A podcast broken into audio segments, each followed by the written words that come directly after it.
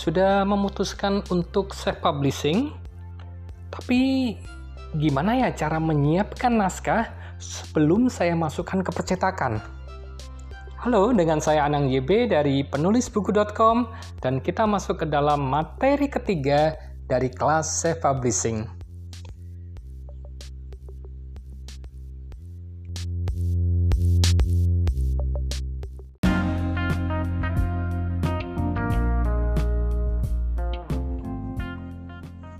Halo. Nah, di dalam urusan penerbitan buku ada dua istilah yang perlu Anda pahami. Ini adalah istilah untuk self publishing ya. Yang pertama adalah urusan pracetak. Kemudian yang berikutnya adalah urusan cetak. Kali ini kita mau ngobrol dulu soal urusan pracetak ini. Apa sih yang disebut dengan pracetak? Namanya pracetak berarti segala macam urusan sebelum Anda memasukkan naskah Anda ke dalam e, percetakan. Nah, sudah pasti bahwa yang harus Anda siapkan pertama kali adalah naskah Anda sudah final. Bukan lagi sekedar draft lengkap, tetapi sudah benar-benar naskah final. Naskah final mengandaikan bahwa Anda sudah melalui banyak proses di dalam proses kepenulisan. Anda sudah melakukan revisi dan Anda sudah melakukan proses penyuntingan naskah. Tidak peduli apakah Anda menyunting sendiri atau Anda keluarkan kocek Anda untuk membayar seorang editor profesional. Intinya, sebelum Anda mau menerbitkan buku, Anda sudah final dulu dengan naskah Anda. Oke? Okay? Naskah final bukan sekedar naskah yang sudah selesai, tetapi juga naskah yang sudah lengkap. Artinya Anda sudah punya judul, sudah ada daftar isi, sudah ada isi tulisan, bahkan Anda sudah melengkapinya dengan profil diri Anda sebagai penulis, ada foto Anda, dan bila perlu, Anda juga sudah menyiapkan blurb. Blurb, B-L-U-R-B, bola pokoknya bacanya blurb gitu ya. Jadi ini adalah teks yang Anda akan tampilkan di halaman belakang sampul buku Anda ya, di sampul belakang buku Anda. Sudah merasa naskahnya lengkap? Oke, Anda kalau mau cepat beres, Anda bisa cari layouter, Anda bisa bayar orang itu nanti dia akan membantu menyusun naskah Anda dari halaman depan sampai dengan halaman belakang dan Anda tahu beres. Bukunya sudah rapi, didesain dengan daftar isi, dengan kelengkapan, dengan font yang benar, dengan tata letak yang baik. Tapi bagaimana caranya kalau saya tidak punya uh, tidak punya cukup modal untuk itu? Bolehkah saya menyusunnya menggunakan software yang saya kuasai? Entah itu dengan InDesign atau dengan Microsoft Word misalnya. Tentu Anda bebas untuk melakukan itu. Bahkan saya sarankan kalau Anda mau mencoba, Anda tertantang, Anda bisa melakukan layout buku, menyusun sendiri menggunakan program Microsoft Office. Anda bisa gunakan misalnya yang paling familiar adalah Anda memakai Microsoft Word. Oke, taruhlah Anda mau coba-coba sendiri agar irit, agar Anda juga punya pengalaman baru untuk menyusun sebuah layout buku. Pahami terlebih dahulu adalah sistematika buku. Jadi Anda bisa buka buku-buku yang taruhlah Anda buku non-fiksi yang mau Anda terbitkan. Anda bisa cari buku non-fiksi yang sudah terbit, Anda bisa ambil uh, saya sarankan ambil dari penerbit yang sudah terkemuka ya misalnya ah, nggak usah sebut deh. Anda bisa ambil dari penerbit terkemuka. Nah biasanya mereka sudah ada standar sistematika bukunya ya. Demikian pula kalau Anda mau menerbitkan novel Anda, Anda bisa cari contoh novel dari penerbit terkemuka agar sistematikanya memang sudah benar dan baku. Sebagai gambaran, saya mau coba jelaskan sistematika buku merujuk pada buku pintar penerbitan buku yang diterbitkan oleh Gramedia Publisher yaitu Grasindo. Ya, ini adalah sistematika untuk buku non fiksi. Ya, kalau buku fiksi novel biasanya lebih simpel. Jadi eh, apa yang akan saya jelaskan ini sudah memenuhi bahkan untuk novel. Jadi tinggal nanti Anda bandingkan dengan buku-buku yang sudah terbit. Ya. Sebuah buku, terutama non-fiksi, biasanya dia terdiri dari tiga bagian utama.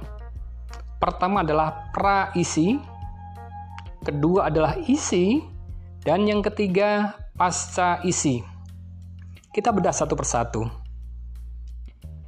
Kita mulai dari bagian paling depan yaitu pra-isi. Pra-isi ini ada banyak sekali kontennya. Yang paling Pertama kali Anda lihat adalah halaman kulit depan atau cover depan. Ya dong, udah pasti ya. Kalau bukan, kalau nggak ada kulit depan ya anggap aja itu fotokopian bahan kuliah ya.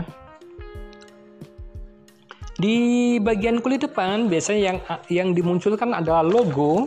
Anda bisa memakai logo e, lembaga Anda atau logo komunitas Anda kalau Anda punya itu anda bisa taruh di depan. Ini dengan asumsi bahwa Anda belum punya penerbit yang berbadan hukum ya. Anda bisa cantumkan uh, logo komunitas Anda, logo uh, jasa Anda. Kalau saya bisa menggunakan logo Ghostwriter Indonesia karena saya memang belum punya lembaga penerbitan berbadan hukum.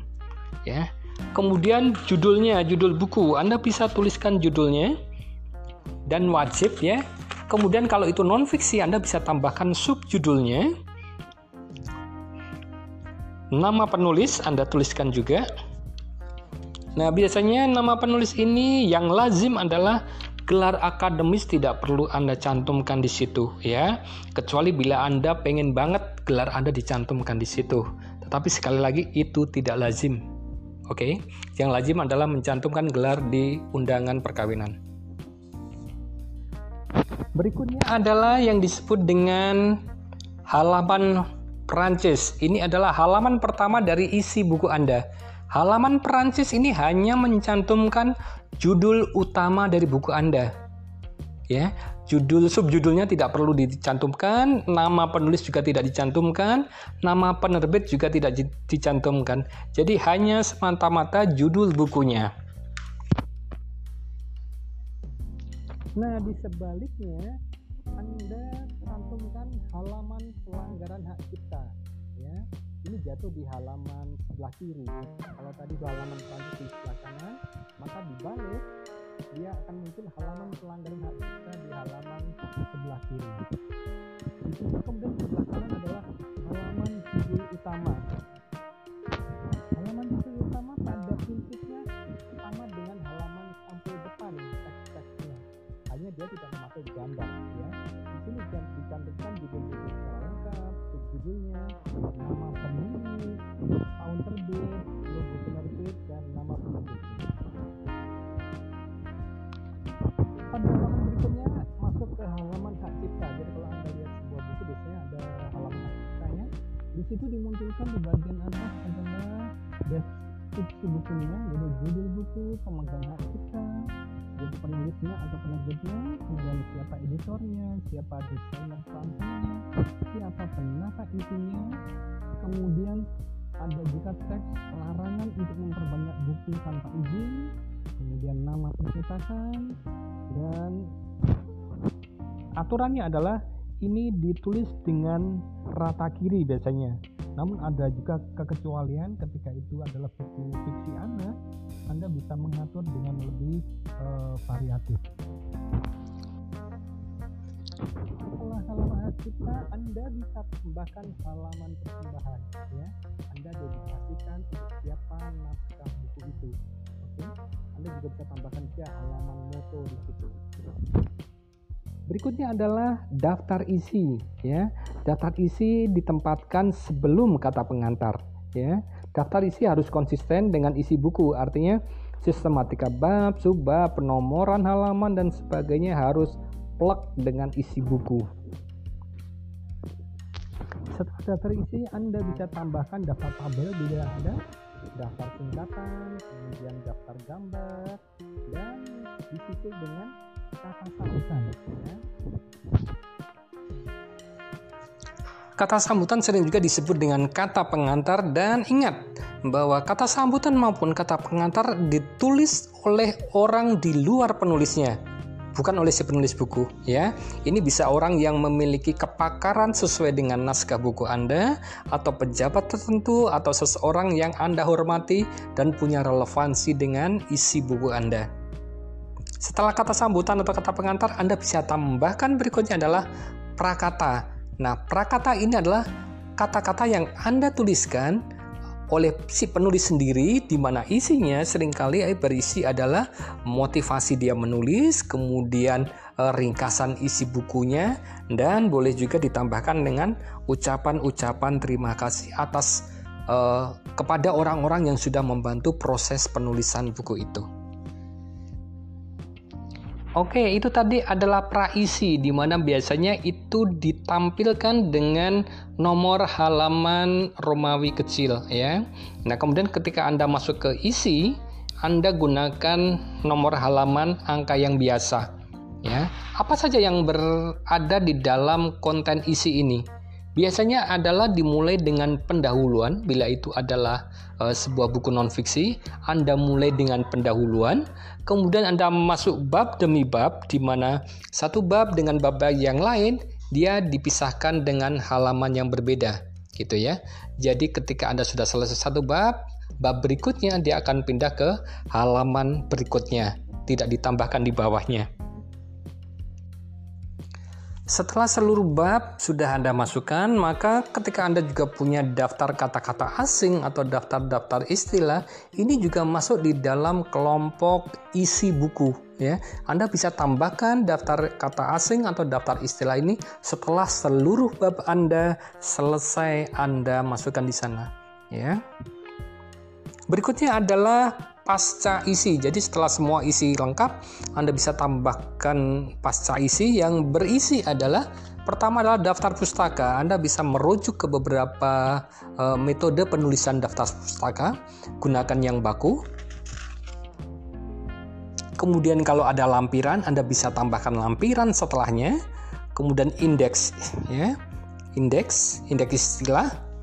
Kemudian yang Berikutnya adalah biografi singkat Anda. Ya, tampilkan biografi secara naratif, bukan seperti Anda mencantumkan sebuah uh, kurikulum vitae ketika melamar pekerjaan. Kemudian tambahkan foto terbaik Anda yang sesuai dengan isi buku. Kalau begitu non fiksi dan formal, gunakan foto-foto yang formal. Ketika itu adalah buku traveling atau buku-buku uh, fiksi, misalnya Anda bisa cari gambar-gambar yang yang lebih santai. Nah, sebagai pamungkas adalah halaman kulit belakang atau back cover.